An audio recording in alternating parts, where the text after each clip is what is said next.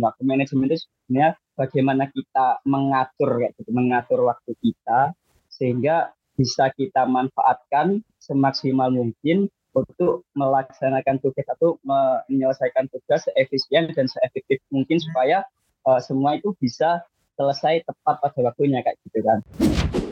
Kayak jadwal itu penting banget. Nah, jadi ya, mungkin kalau iya penting banget maksudnya deadline itu penting.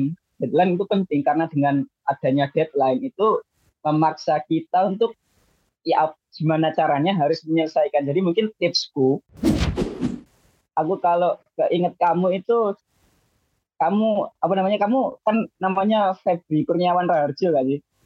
Iya. Iya. Iya. Aku kalau kalau lihat namamu itu jadi keinget salah satu ini sih, salah satu apa ya? Jurnal waktu aku maba. Jadi Raharjo. Uh, jadi ya itu nggak tahu nggak tahu itu di Gak sih. Gak tahu itu masih dipakai nggak di angkatan kalian? Gak, gak, gak ada yang ngajarin. Wah, ini nek sampean sing ngurui lah, kok angkatan bawah lah itu. Kok itu kan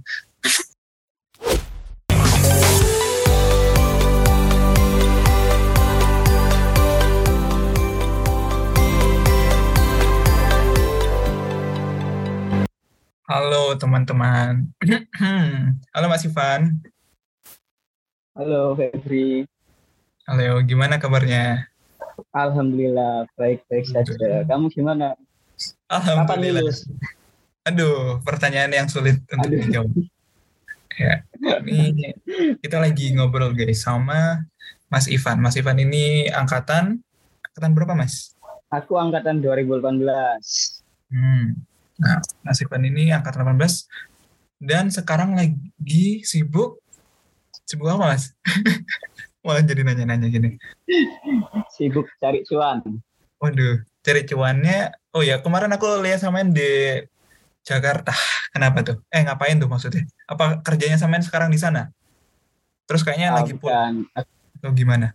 Iya, oh. ini kan aku sekarang posisinya jadi field assistant di salah satu startup perikanan Jalatex. Di sana aku bagian mendampingi dan menjadi supervisi ya, di salah satu PAM yang kerjasama operasional sama itu. Nah kemarin sempat ke Jakarta itu uh, memang karena ada beberapa urusan dan juga kebetulan berkunjung ke saudara yang sakit seperti itu. Oh, Tapi untuk kerjanya di ini sih di Di mana? Jogja. Di Jalan Tes Mama? Jogja. Di Jalan Tes ya Mas? Iya. Ah, ini Mas Ivan lagi. Jadi apa namanya asisten? asisten kalau bisa diulang field assistant field assistant field field keputus ya nggak tadi kayak kurang jelasin deh aku field as kayak gitu lapang lapang apa gimana sih aku nggak paham field assistant sorry sorry nah jadi kan uh, di perusahaan aku di Jala ini kan hmm? um, salah satu perusahaan yang mengadakan kerjasama operasional kayak gitu. Jadi kita hmm. mendampingi dan memberikan funding ke iya. teman-teman tambak udang intensif untuk hmm. kita dampingi dalam satu siklus budidaya. Nah, di sana posisiku yang uh, bagian untuk mendampingi teman-teman uh, tambak udangnya buat satu siklus. Ya, mungkin hmm. kalau misalnya ada kendala, terus juga uh, ngurusin administrasi keuangannya, terus sama hmm. memantau uh, kondisi kualitas airnya secara harian.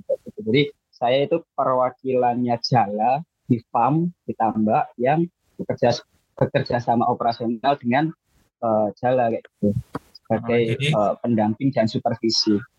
Uh, jadi ntar uh, hmm, apa namanya pembudidaya tambak itu konsultasinya ke Mas gitulah intinya. Hmm, ya kurang lebih seperti itu.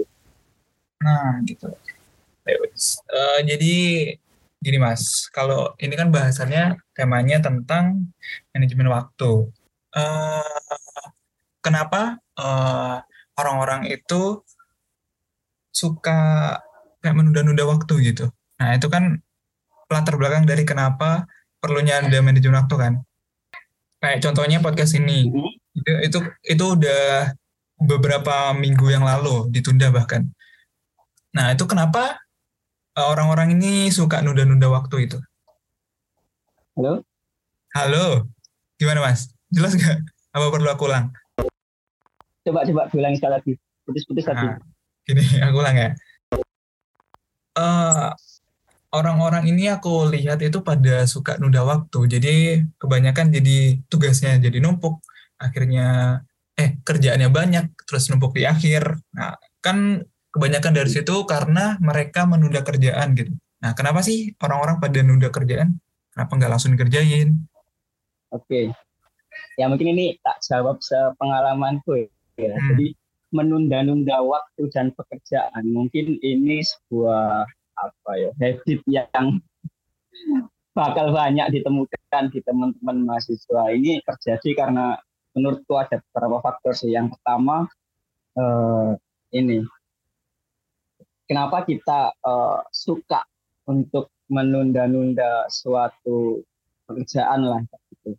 yang pertama itu mungkin kita kurang memprioritaskan atau kita nggak apa namanya nggak menganggap suatu pekerjaan itu penting. Akhirnya uh, uh, kita cenderung menyepelekan meremehkan seakan-akan ah nanti aja itu lo bisa dikerjain nanti. Akhirnya uh, apa namanya akhirnya kita tunda-tunda itu kerjaan terus datang lagi kita tunda lagi akhirnya jadi numpuk jadi numpuk banyak banget di uh, belakang dan justru membuat kita keteteran karena udah kalau misalnya mendekati deadline kayak gitu. Jadi mungkin salah satu faktornya adalah uh, kurangnya kita memprioritaskan suatu pekerjaan sehingga uh, kita itu cenderung malas buat memulai karena memang uh, hmm. kalau kalau kalau boleh jujur ya okay.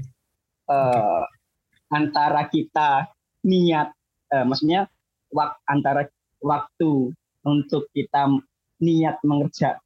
Gimana yang menjelaskan? Jadi uh, kebanyakan kita ini membuang-buang waktu untuk mengumpulkan niat daripada kita kerjainnya apa ngerjain suatu suatu pekerjaan. Ya enggak? Misalnya uh, eh, yeah. kamu ada laporan nih. Kamu ada laporan itu tak uh, tak aku berani jamin yang bikin lama kamu ngerjain itu uh, kamu ya. apa namanya nggak ini nggak nggak nggak nggak nggak nggak langsung nyoba buat kerjain tapi ngumpulin niat dulu kayak niat dulu. bentar nanti aja ya ya kan?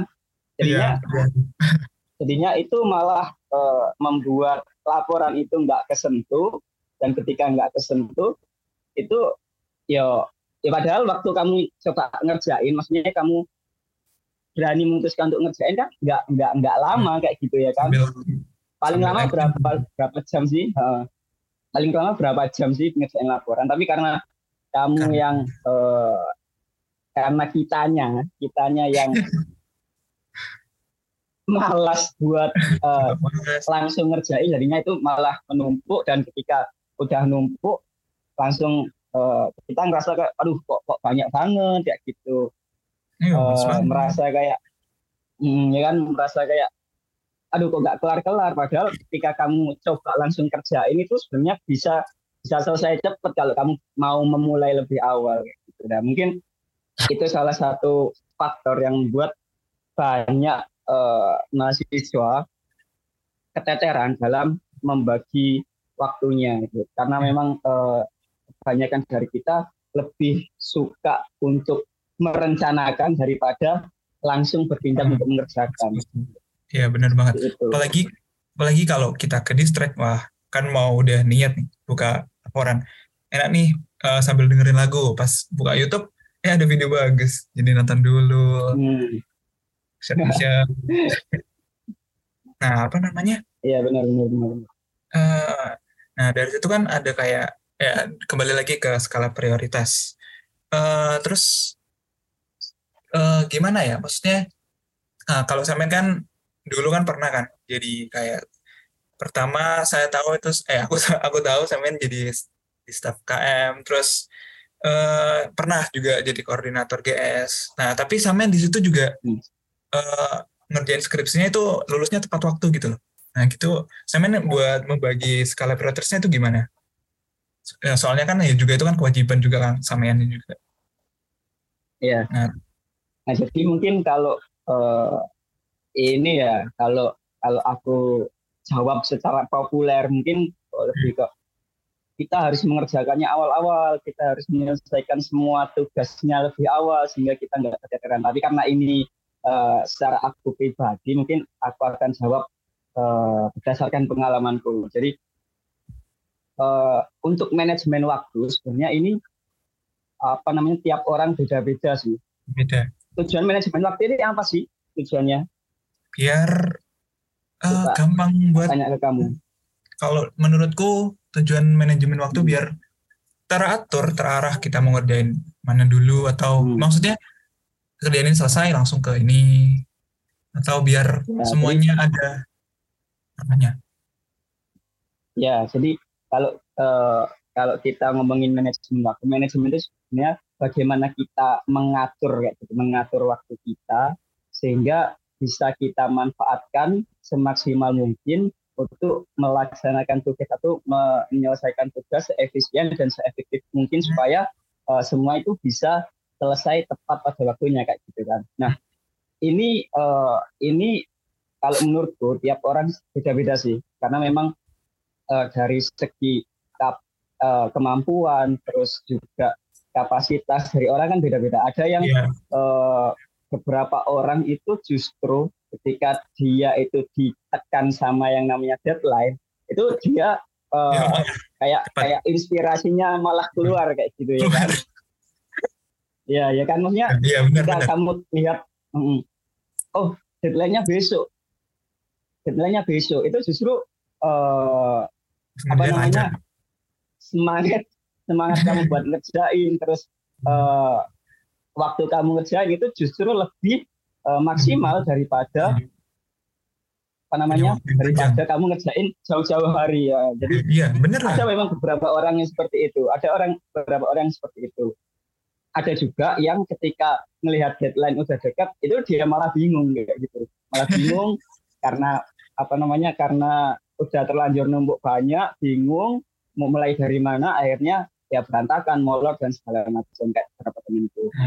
Nah, uh, ini ini harus dimulai sebenarnya manajemen waktu ini harus dimulai dengan uh, pertama kita harus mengenali diri kita ini seperti apa maksudnya kita tipikal orang yang uh, enjoy atau lebih suka bekerja dalam tekanan dalam artian ketika kamu melihat uh, sebuah kerjaan itu udah hampir ke tenggatnya itu kamu justru lebih bisa maksimal atau atau kamu tipikal orang yang nggak bisa kerja dalam tekanan. Itu kamu harus tahu tahu lebih dulu. Jadinya uh, jadinya kamu bisa merencanakan jadi kamu bisa ngeplan hmm. apa yang harus aku lakukan aku aku kerjain lebih dulu gitu. Hmm.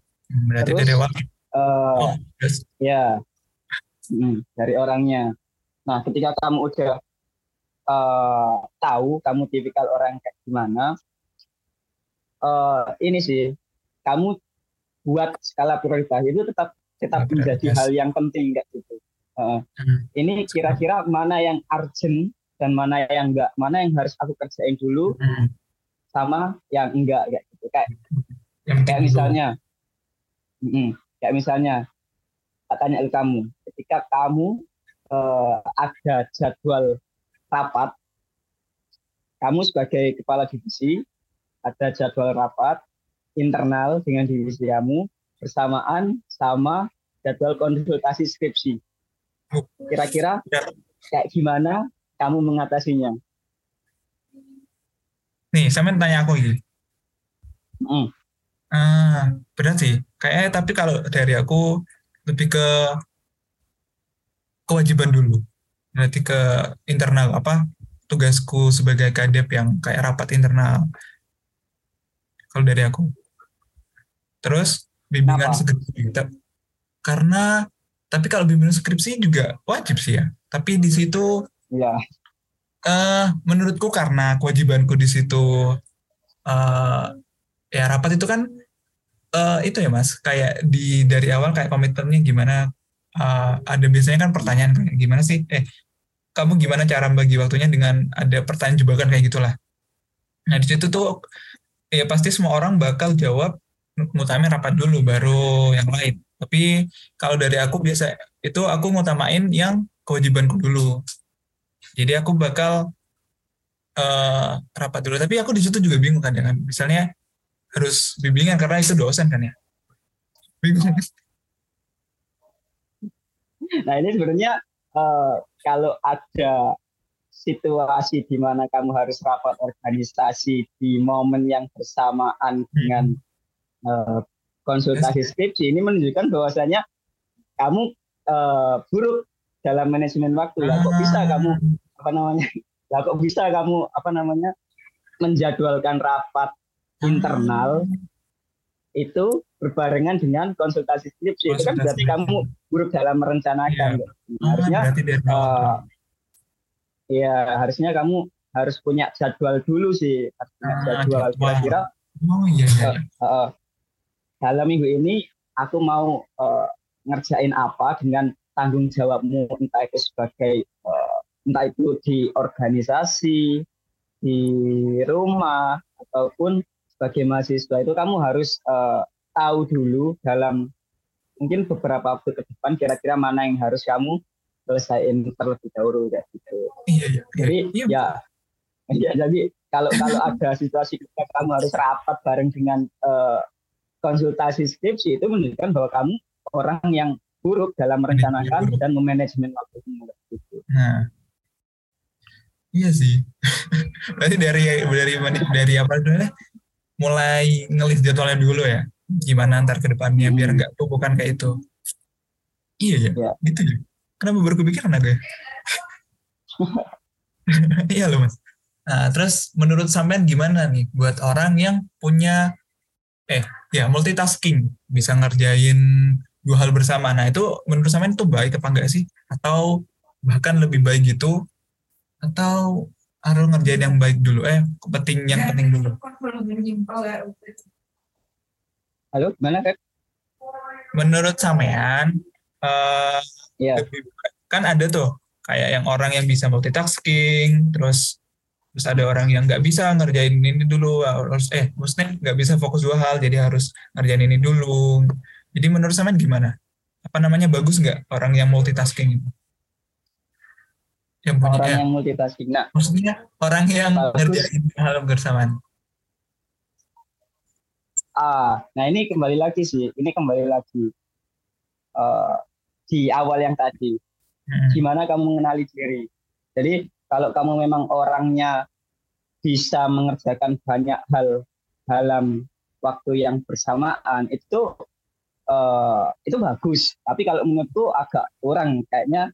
Kayaknya hmm. kalau kalau kita fokus kita tercabang beberapa uh, hal itu justru membuat pekerjaan kita itu nggak maksimal kayak gitu.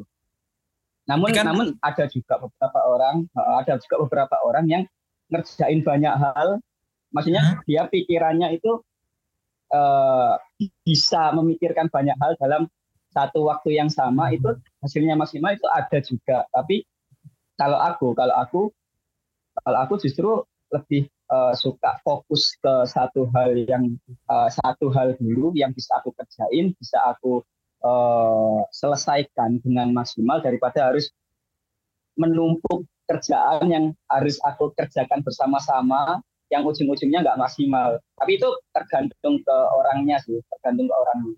Lagi lagi ke orangnya. Hmm. Ya, tapi tapi kan kalau kalau kalau fokus kita tercabang ke berbagai uh, hal itu justru uh, membuat hmm, pekerjaan itu nggak nggak maksimal di semuanya gitu. Jadi ada ya. ada lah beberapa pekerjaan yang mungkin uh, nggak bisa selesai dengan sempurna kalau kita kerjainnya bersamaan dengan uh, hal yang misalnya misalnya dulu aku waktu jadi uh, waktu aku di semester akhir ini aku kan juga uh, salah satu kontributor Inner News ya. Mm-hmm. Oh iya. Satu nah itu itu aku dituntut buat uh, buat berita ya gitu di tengah mm-hmm. aku yang harus uh, posisiku sebagai koordinator Bagas Sakti dan juga uh, beban skripsi yang menghantui kayak gitu. Beban. Iya. Uh, uh, ya jadi ya mungkin bisa, mungkin bisa aku kalau, kalau dulu untungnya gini ya, untungnya dulu waktu liputan itu kan bisa apa namanya bisa online kayak gitu, banyak kan online liputannya. Ya sebenarnya aku bisa misalnya waktu liputan uh, sambil nyicil skripsi itu bisa, tapi uh, justru itu membuat kayak waktu liputan itu kan kita harus men mencatat poin-poin penting apa yang disampaikan disampaikan kemudian apa inti dari acara itu sehingga uh, sehingga bisa bisa bisa dibuat berita yang bagus. Itu kan kita juga perlu uh, menyimak dengan ini ya, ya dengan dengan serius ya gitu di suatu acara yang mau aku buat jadi bahan berita. Jadi justru ketika aku mencoba liputan sambil nyicil skripsi itu malah aku kerja dua ya. kali kayak aku nggak fokus sama liput apa namanya sama kegiatan yang mau aku liput uh, akhirnya aku harus setel lagi rekamannya, uh, replay rekamannya, apa yang disampaikan, apa hal-hal penting yang yeah. ada di liputan itu, yang akhirnya buat aku kerja itu makin lama. Padahal hmm. kalau misalnya aku fokus ya, aku fokus ikutin liput, ikutin acaranya, terus aku catat poin-poin pentingnya, bikin berita 30 menit itu bisa, maksudnya 30 30 menit setelah setelah acara uh, apa namanya ke kegiatannya aku uh, cicil cicil skripsi karena karena nggak fokus akhirnya tadi apa ya? Hal pentingnya apa? Tadi pesertanya berapa? Tapi yang sambutan siapa? Akhirnya aku harus aku harus ini aku harus replay ulang kayak gitu acaranya. Jadi makan waktu lagi kayak gitu. Hmm. jadi mending mending fokus satu hal tapi tapi efektif dari tidak efektif. Nah, daripada kerja dua kali, eh kerja barengan tapi ntar iya. bakal kerja dua kali gitu. Nah, iya benar. Ya, aku kadang juga gitu, udah ada yang ini ngerjain ini, terus apalagi kan aku juga kadip kan, ter, wah ada, oh IG-nya belum, oh ini proposal belum, wah ini jadi, jadi kadang mikir ke sana. Nah terus mas, Samen, eh tak lihat ini uh, pas kuliah ya mas pas kuliah sampean meskipun sibuk sibuk kayak skripsi terus nerjus lah uh. tapi sampean ini sih kayak bisa healing gitu ya bisa kadang uh. main foto-foto gitu Iya, kenapa? Nah, ya, kok bisa? Kok bisa? Kok Oke, bisa? Uh, ini sih, sekarang tak tanyain di prodi kita uh, ini bukan bermaksud untuk apa namanya underestimate atau apa ya. Di prodi kita kalau menurutku itu nggak sehektik di teman-teman yang lain kayak misalnya di kedokteran atau di kampus lain yang uh, seperti seperti teknik kayak gitu. Ya nggak? Bener nggak? Iya iya. Yang harus kayak nugas ya nugas ya. itu harus berjam-jam berhari-hari baru bisa kelar kan Ya enggak, enggak malah ada waktu ya, malah. Enggak enggak sesulit itu kan. Ya enggak sesulit itu kan kalau kita boleh jujur. Nah, mungkin yang membuat beberapa mahasiswa itu cenderung kayak um, merasa keberatan, merasa aduh kuliah ini kok banyak banget tugasnya. Itu bisa jadi mereka itu orang-orang yang nggak mau nyoba, maksudnya nggak mau coba dikerjain dulu dan lebih uh, ini lebih kayak dari awal itu udah ngeluh duluan gitu tanpa mau nyoba dikerjain ini bisa nggak sih? Gitu. Bener nggak? Iya iya mas lebih kayak ih angel nah, apa iya maksudnya sambat dulu gitu loh sambat dulu daripada mau nyoba buat ngerjain. Nah itu yang akhirnya membuat uh, kita cenderung malas ya gitu. karena kalau kalau orang udah kayak merasa oh aku nggak bisa ini aku aku, aku nggak bisa ngerjain ini tuh just apa namanya nanti bakal males dan dia bakal menunda-nunda kerjaannya sampai ketumpuk-tumpuk waktu udah ketumpuk-tumpuk dia baru sadar tuh uh, kok kok apa namanya uh, kok kok banyak banget gitu kok banyak banget kok banyak banget tugasku kok laporan revisi yang ada tiga belum tak kerjain padahal uh, ngerjain laporan revisinya berapa jam sih ya gitu. Hmm. Balik karena dia juga. udah males, uh, udah mm, udah males duluan karena samba dulu daripada mau ngerjain akhirnya uh, ya keteteran kayak gitu. Tapi tapi kalau uh, kalau menurutku ya selama aku selama aku kuliah selama kita mau disiplin kayak gitu selama kita mau disiplin sebanyak apa pun apa pun tugasnya itu ini sih maksudnya bisa bisa selesai uh, dengan tepat waktu kayak gitu. Kalau kalau menurutku tanpa harus kamu mengorbankan waktumu buat uh, waktu pribadimu buat ya buat jalan-jalan buat nongkrong sama temen buat aktivitas sosial yang lain gitu. Jadi jadi uh, jadi uh, jadi ya kamu pinter-pinter membagi waktumu sesuai dengan gimana tipe, maksudnya sesuai dengan kamu itu orang tipe kayak, kayak gimana kayak gitu. Itu itu penting banget kamu mengenali diri sendiri. Terus jangan suka jangan suka ini, jangan suka sambat dulu sebelum kamu mencoba. Soalnya ketika kamu sambat terus nggak mau memulai itu kamu nggak bakal tahu nanti. Nanti gimana? itu yang uh, uh, ya ini ini yang sus, yang susah ini gimana? Terus yang yang uh, sekiranya uh, kayak, kayak kayak waktu skripsi itu teman-teman kayak uh, gini. Teman-teman lebih kayak aduh. Aduh kok gimana ya? Itu ribet bikin proposal ribet segala macam akhirnya dia nggak mulai dia nggak tahu nanti nanti yang bakal sulit itu yang mana. Jadi Eh, nggak uh, kepegang kayak gitu. Sebenarnya kan malah nggak tapi beda beda ketika kamu coba ngerjain. Misalnya oh nyender di kerangka konsep nih. Kerangka konsep kayak uh, sulit. Akhirnya kan secara otomatis kita kita tanya kan ke teman ini gimana? Ini ini bagusnya kayak gimana? Akhirnya dari kita mencoba ngerjain kita tahu masalahnya terus kita mencoba untuk mencari solusinya akhirnya selesai kan daripada kamu aduh bangkar konsep pusing nanti aja nanti ayahnya nggak selesai selesai kan. Mari mari ya nanti mulai dari kemauan dulu.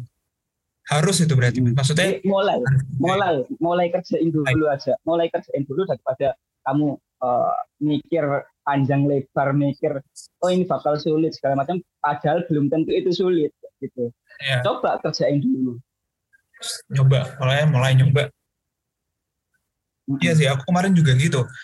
Awal uh, semester 6 itu enggak sih, pas pas medpen salah. Wah ini gimana, ntar gimana gimana. Jadi ketumpuk, terus kan ada ujian kan mas, ujian uas itu.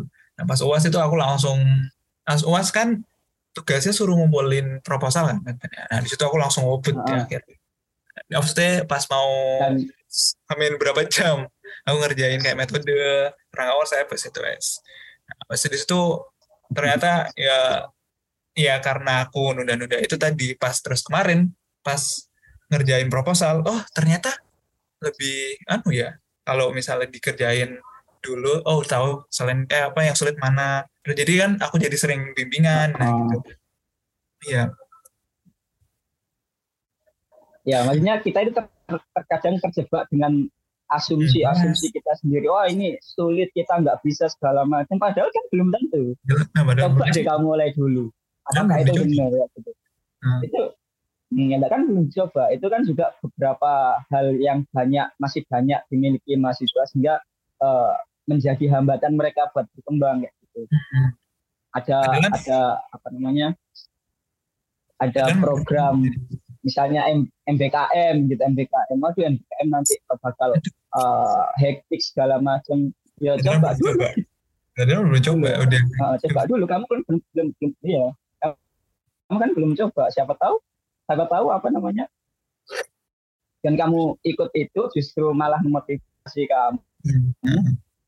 mendidik kamu untuk semakin disiplin dalam dalam kamu uh, memanage menggunakan waktumu daripada kamu cuma sekedar kuliah, organisasi, pulang kuliah dan apa namanya rutinitasmu yang uh, sekarang kayak gitu. Jadi ya inilah beranilah mencoba daripada ya. kamu uh, dari dirimu sendiri dalam angan-angan yang belum tentu uh, yang belum tentu itu terjadi kayak gitu. Terus ya. ini ini mungkin waktu apa namanya kamu kan barusan PKL Ya. Hmm. Barusan PKL. Nah ini kan disuruh bikin laporan toh? Ya, ha, laporan. Bikin laporan Itu PKL. Di, di angkatanmu ini di, di, di ya di deadline nggak? Maksudnya harus sidang kapan? Di jadwal nggak sidangnya? Ada, ada sebelumnya ada itu. Jadi dia habis Tapi habis sesuai dengan dengan Enggak. karena dosennya karena dosennya malah punya kesibukan sendiri. Oh. Malah dosennya punya kesibukan sendiri. Tapi sebelumnya udah langsung dijadwal. Oh. Oh, langsung dijadwal. Nah, hmm. uh, ini sih coba deh bandingin kamu ketika uh, kamu ketika ini PKL sama skripsi nanti. Karena PKL kan ini dijadwal dituntut uh-huh. kamu harus menyelesaikan uh, dalam tenggat waktu yang sekian. Akhirnya kamu oh ya apa caranya harus selesai dan kamu berani coba ngerjain ya kan? Akhirnya yeah, yeah. akhirnya dijadwal semepet apa pun itu ya selesai kan? Iya. Yeah.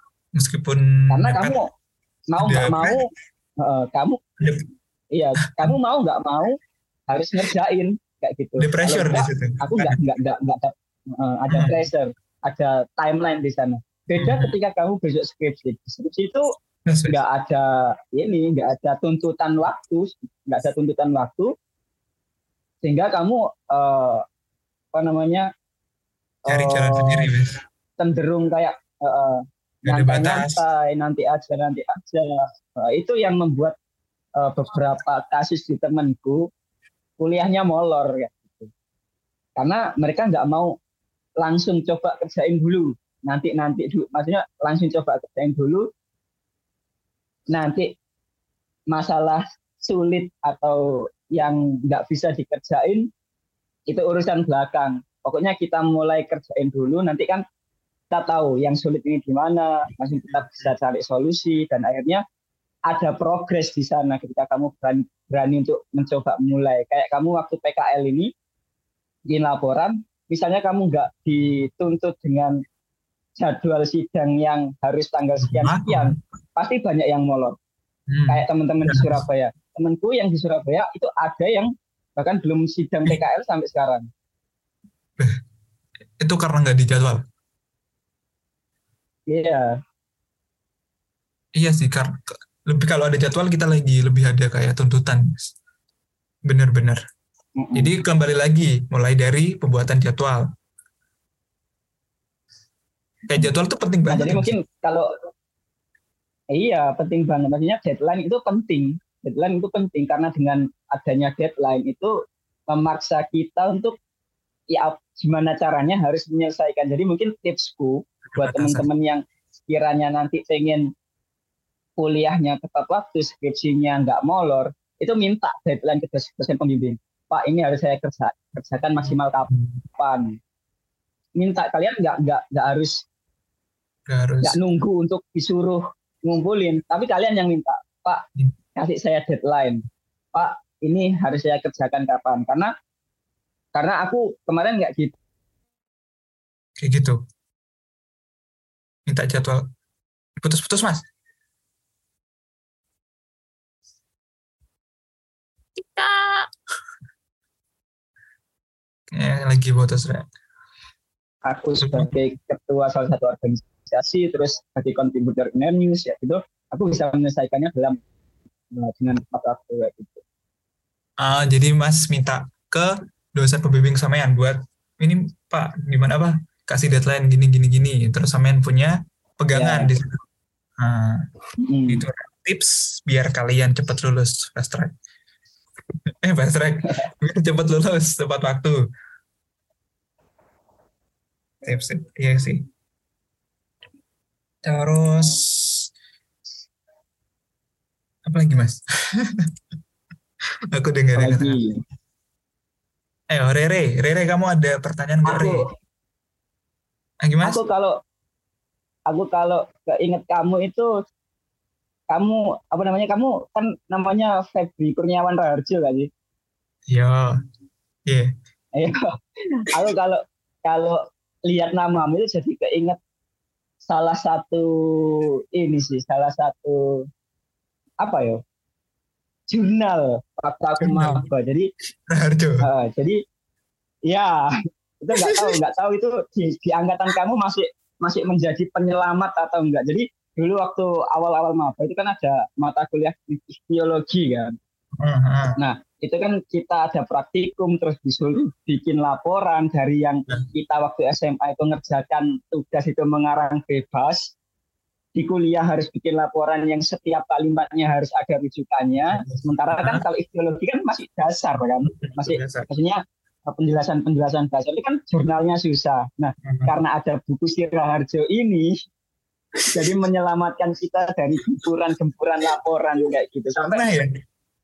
ini nggak tahu nggak tahu. Apa namanya? Nggak tahu ini masih di angkatan kalian ada masih ada apa enggak. Untuk apa namanya untuk rujukan ini di angkatan dia memang legend banget gitu loh. Sampai ya, karena saking seringnya pakai rujukan itu dimarahin sama aspraknya tuh kok pakai ini terus ya coba cari yang lain. Saya tahu saya tahu. Itu sama pakai namanya siapa apanya? Emang, emang Raharjo juga? Maksudnya yang dipakai Raharjo? Iya Raharjo. Kan Raharjo kebetulan judul bukunya ikhtiologi. Jadi kan lengkap banget kan bisa jadi anak-anak itu kalau ada laporan itu merujuknya ke sana semua. Sampai akhirnya bosen. Sampai loh siapa nih? Kok harus mana? Gak sih, gak tahu itu masih dipakai nggak di angkatan kalian? Gak, gak, gak ada yang ngajarin. Wah, ini lek sampean sing ngurui lah, kok angkatan bawah lah itu. Kok itu kan? ya enggak, itu soalnya bukunya bukunya waktu itu oh, udah tahun 2010 kan masih laku lah, masih laku lah. Iya, masalah itu. Nah, yang sekarang enggak seperti. Tapi bisa loh dipakai. tak kira tak kira anak sing temannya sampean sing punya marga. Nah terus sampean pakai marganya di sana. Oh, cari nih wong iki. Jadi kayak punya enggak dari buku. Ada ada aja ya. Aneh-aneh. kayak, kayak yang aku ingat laporannya kalian apa angkatan sampean yang pernah di nganu asprak pakai Hana Coroko. Terus sekarang marga itu iya itu Pak Mi kalau nggak salah Pak Kirel Mikal iya Bang Zul nggak salah bukan siapa Fikri Fikri sama oh. lupa Best friend. Gokil saya bang. Nah itu sih. Itu sih. Mungkin itu dari tips and trick dari Mas Ivan. Mas Ivan, apa lagi Mas? Aku juga bingung nih Mas pertanyaan. Kayak semua udah dijawab dari Mas Ivan. Mulai dari tips and triknya, terus pengalaman Mas Ivan diceritain. Terus uh, ya mungkin dari hal-hal uh, kayak gitu, jadi Mas Ivan yang sekarang ini jadi kayak udah langsung dapat kerjaan. Mas Ivan kemarin katanya Mas, eh Pak Pak Faisal sebelum kerja katanya sampean udah dimintain itu ya kerja. Eh kayak ditawarin sebelum, kerja deh sebelum sidang belum lulus oh, oh iya iya ya. hmm. itu waktu sidang skripsi kebetulan kan uh, pengujiku ya uh, ditawarin sama salah satu penguji buat bantu India tapi uh, karena aku pikir-pikir dulu aku coba apply di salah satu perusahaan alhamdulillah uh, terima jadi nggak aku ambil.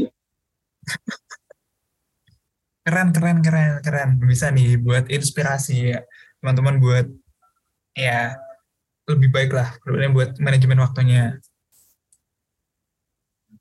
Terus udah sih mas kalau dari itu saya semua udah kejawab sih dari aku Mas Ivan punya pesan okay. lagi gak buat teman-teman tentang manajemen waktu tentang manajemen waktu selain, um, menunda, selain tidak menunda-nunda buat jadwal. Uh, Oke, okay, jadi uh, jadi mahasiswa itu privilege yang luar biasa gitu loh. Jadi jangan kalian gunakan waktu selama kalian kuliah hanya untuk menyambat itu, nyambat itu bahasa Indonesia nya Nyambat. Berkeluh kesah. gitu. Oh, menyambat. Berkeluh kesah.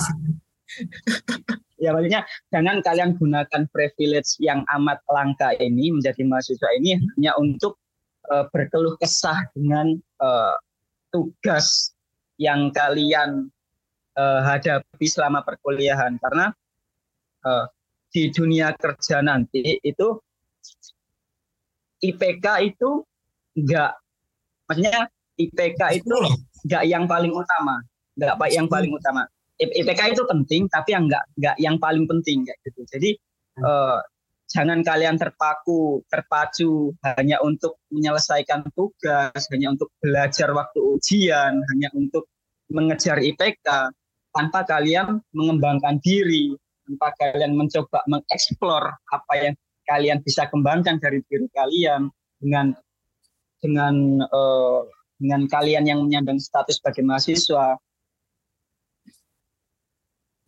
dengan kalian menyandang status sebagai mahasiswa itu itu amat ini amat rugi banget kayak gitu. Jadi karena karena karena jadi mahasiswa itu enak banget loh. Kalian mau belajar di mana pun, pokok kalian bikin surat pengantar, bikin proposal bisa. Gitu. Kalau kalau kayak aku kayak aku gini udah lulus, mau coba magang kan tidak bisa. Atas nama siapa? Kenapa? Kenapa kami harus menerima kamu kayak gitu.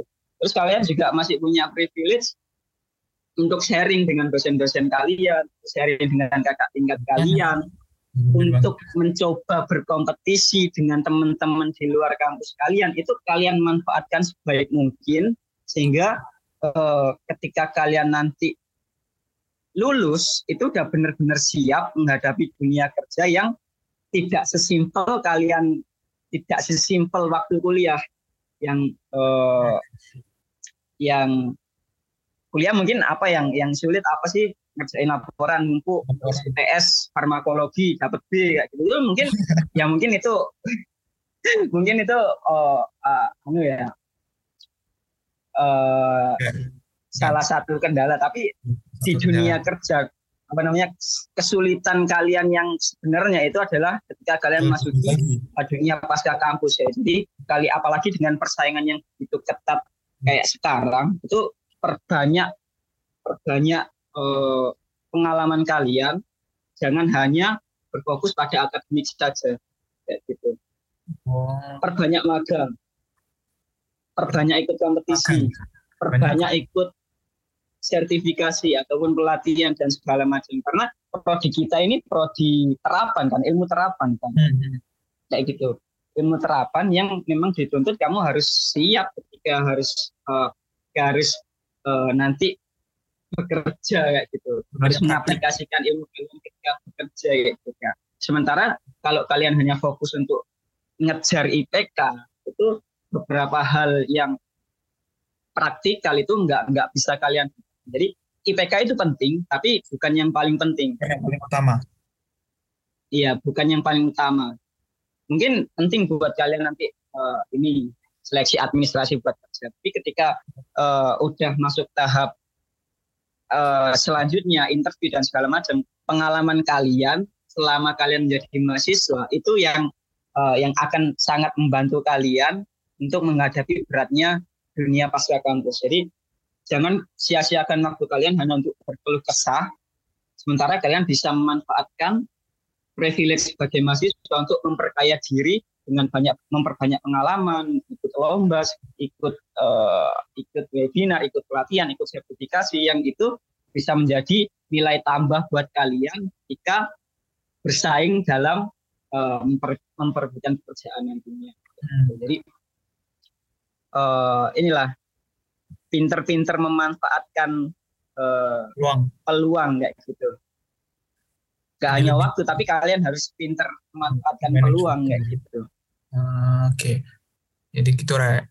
Jadi selain kita bisa memanage waktu, kalian juga harus memanfaatkan peluang yang ada terutama pas kalian lagi mahasiswa gini privilege kalian juga lebih banyak jadi buat kalian yang apa namanya masih ngejar IPK uh harus ngerjain apalagi ngerjain tapi cuma ya ngerjain tuh tapi nggak paham.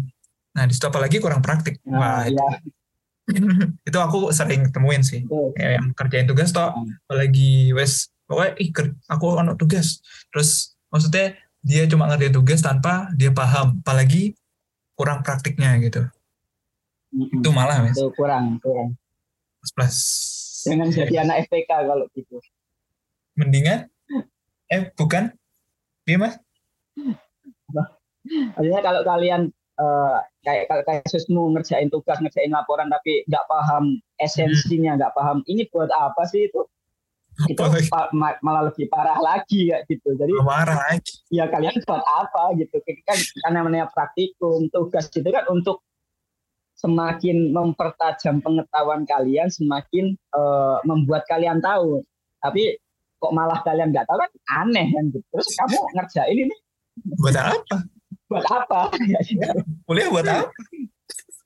Uh, jadi kalau IPK kalau IPK itu bisa bisa lah bisa dikejar lah. Tapi kalau pengal pengalaman itu yang susah, uh, bisa diulang. Susah nggak uh, bisa diulang.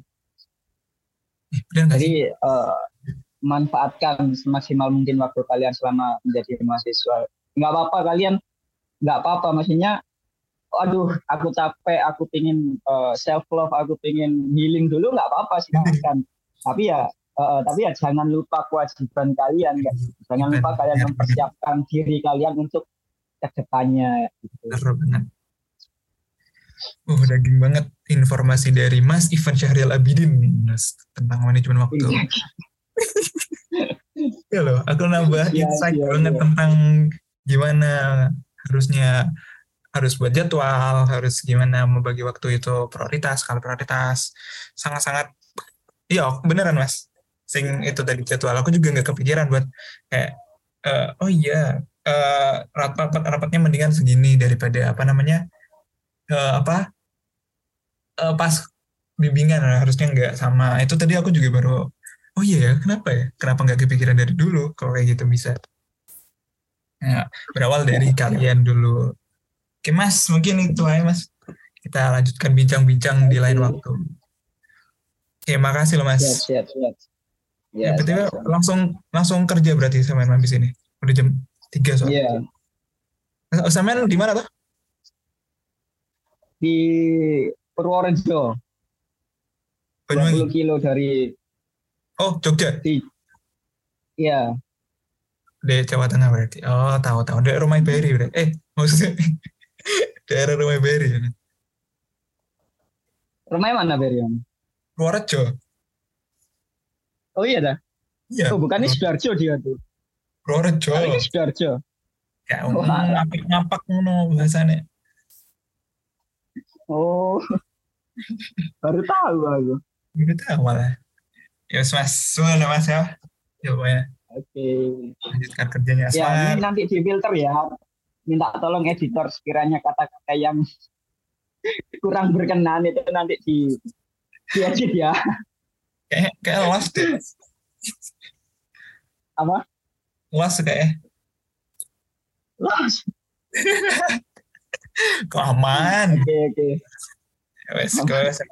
Tuhan mas ya. Assalamualaikum. Terima kasih teman-teman yang oh Riri baru gue join bye bye Salam. sampai jumpa di podcast selanjutnya closingnya jelek banget